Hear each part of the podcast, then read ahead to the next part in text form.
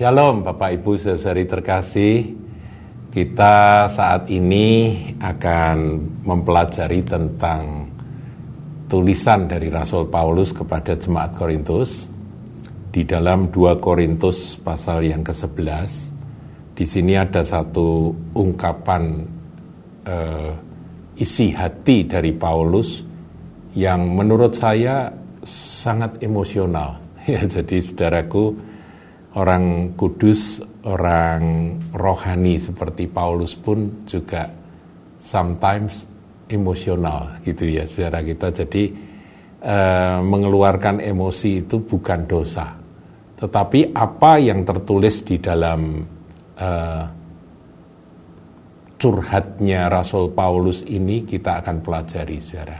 Dan kita akan ambil akan satu nilai-nilai dan beberapa kebenaran yang akan kita angkat dari eh, kata-kata tulisan Rasul Paulus ini. Saya potong aja saudaraku ya. Ini panjang, 2 Korintus 11 itu panjang, tapi ini saya akan ambil mulai ayat 23 dan seterusnya. Saya bacakan saudara. Apakah mereka pelayan Kristus? Aku berkata seperti orang gila. Aku lebih lagi. Aku lebih banyak berjerih lelah, lebih sering di dalam penjara, didera di luar batas, kerap kali dalam bahaya maut. Lima kali aku disesah orang Yahudi, setiap kali 40 kurang satu pukulan. Saudara hitung sendiri ya, 39 kali 5. Ayat 25. Tiga kali aku didera, satu kali aku dilempari dengan batu. Dirajam, saudaraku. Dan pada waktu dirajam itu dia sempat tergeletak dan banyak orang yang memperkirakan dia sudah mengalami kematian tapi oleh Tuhan dia dihidupkan lagi. Satu kali aku dilempari batu, tiga kali mengalami karam kapal. Sehari semalam aku terkatung-katung di tengah laut. Dalam perjalananku aku sering diancam bahaya banjir dan bahaya penyamun bahaya dari pihak orang-orang Yahudi dan dari pihak orang-orang bukan Yahudi. Bahaya di kota, bahaya di padang gurun, bahaya di tengah laut, dan bahaya dari pihak saudara-saudara palsu. Ayat 27, Aku banyak berjerih lelah dan bekerja berat. Kerap kali aku tidak tidur. Aku lapar dan dahaga Kerap kali aku berpuasa, kedinginan dan tanpa pakaian. Dan dengan tidak menyebut banyak hal lain, urusanku sehari-hari, yaitu untuk memelihara semua jemaat-jemaat. Saudaraku sampai di sini pembacaan firman. Saya pada waktu membaca akan curhat atau curahan hati dari Rasul Paulus ini, saya merinding saudara diawali dengan kalimat apakah mereka pelayan Kristus. Jadi uh, Paulus itu seperti mau dibanding-bandingkan dengan uh, hamba-hamba Tuhan yang lain gitu. Apakah mereka pelayan Kristus? Paulus berkata dalam kalimat berikut, Aku berkata seperti orang gila. Aku lebih lagi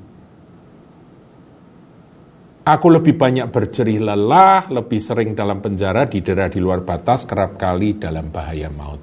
Saudaraku satu ayat ini aja ya, coba tampilkan lagi ayat 23. Nanti yang lain-lain, waduh kalau didetailkan itu begitu panjang lebar. Ayat 23 ya, apakah mereka pelayan Kristus? Aku berkata seperti orang gila, aku lebih lagi, aku lebih banyak berjerih lelah, lebih sering di dalam penjara, didera di luar batas, kerap kali dalam bahaya maut. Kemudian detail berikutnya itu aniaya yang dia tanggung selama dia menjadi hamba Tuhan seperti apa. Saudara, kalau saya boleh boleh beri judul uh, renungan kita ya, suara gembala kali ini, judulnya itu seperti apakah pelayan Kristus itu? versi Rasul Paulus, saudara.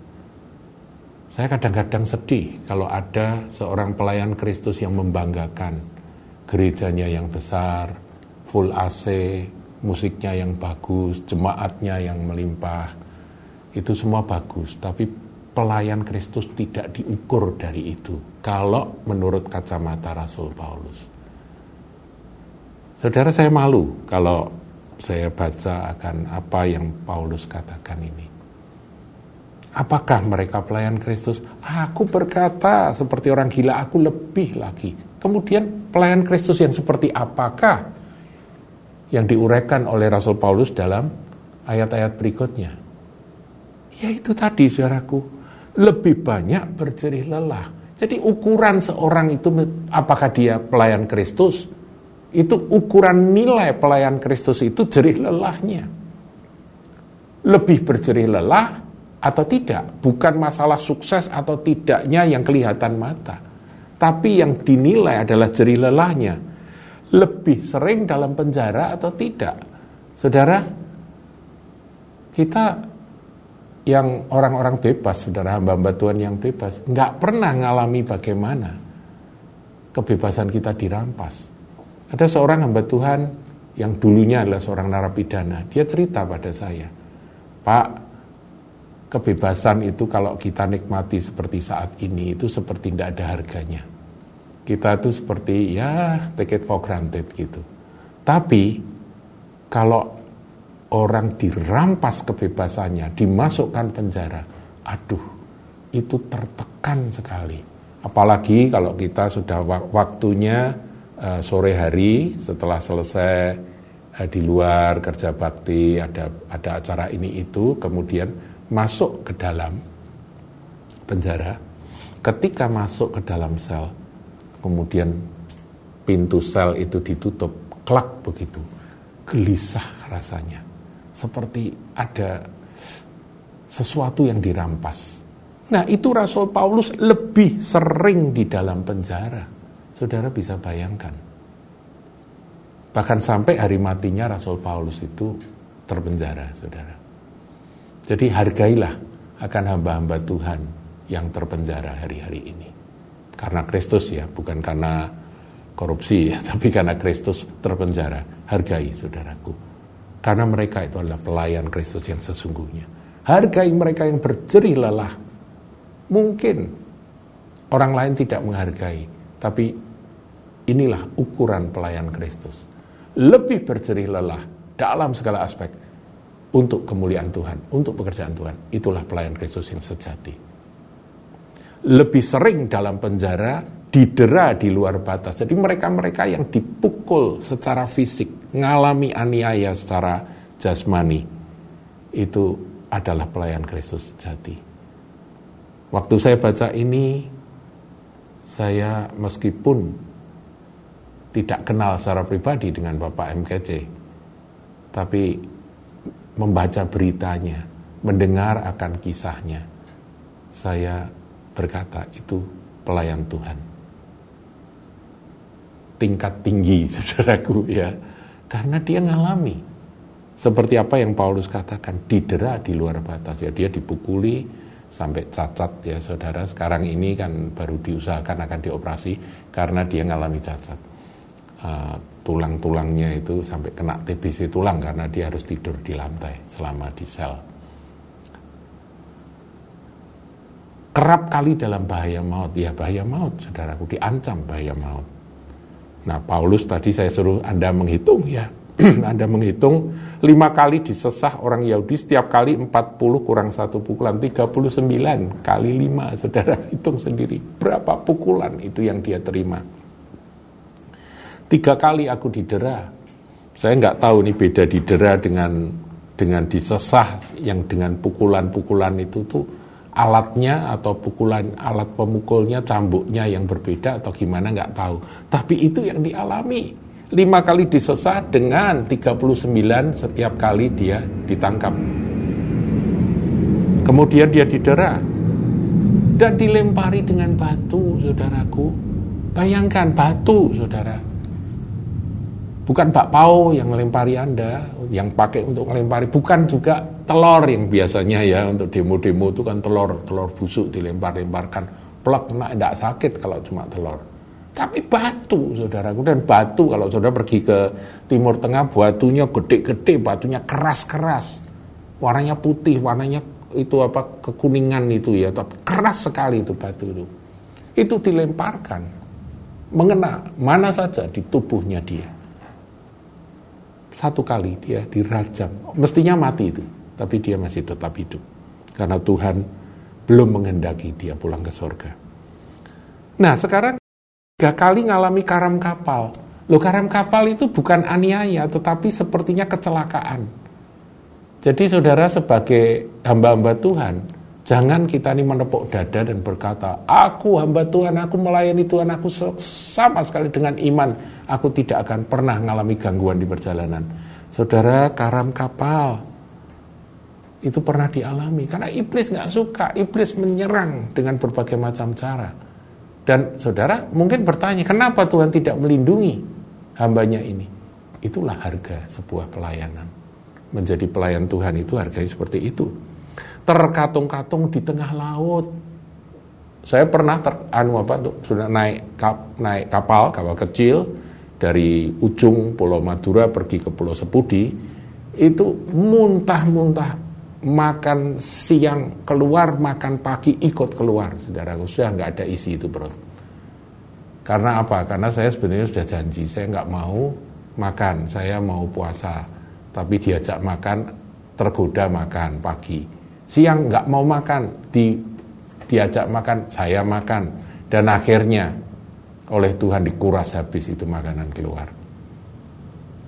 Sampai itu handuk untuk ngelap itu saya buang di dek kapal itu. Udah, betul-betul nggak tahan saudaraku, terkatung-katung di, kapal itu tuh nggak enak sekali, mabuk laut itu rasanya nggak keru-keruan. Paulus mengalami, saudaraku. Karena apa? Dia pelayan Kristus. Jadi ukuran pelayan Kristus yang didaftar oleh Rasul Paulus yang dia katakan aku berkata-kata seperti orang gila itu adalah perkara-perkara ini bukan aku pelayan Kristus bajuku bagus arlojiku Rolex bukan demikian saudaraku kalau ada itu ya diterima disyukuri tapi bukan itu Jangan sekali-kali kita membanggakan sesuatu yang duniawi ini dan mengkaitkannya itu dengan ini loh pelayan Kristus diberkati Tuhan. Saudaraku, kita berhenti dengan yang model begitu, pengertian yang model begitu. Saudara diberkati ucap syukur. Saya diberkati, saya mengucap syukur. Saya tidak berkata bahwa uh, saya menolak berkat enggak. Tetapi kalau itu saya kaitkan, ini loh pelayan Kristus, bahwa saya diberkati ini, ini, ini, mobil bagus, eh, rumah bagus. Enggak, enggak seperti itu, saudaraku. Kita harus stop dengan itu semua. Ini ukuran pelayan Kristus yang sejati. Karam kapal, sehari semalam terkatung-katung di tengah laut. Nah, dalam perjalanan aku sering diancam bahaya banjir dan bahaya penyamun.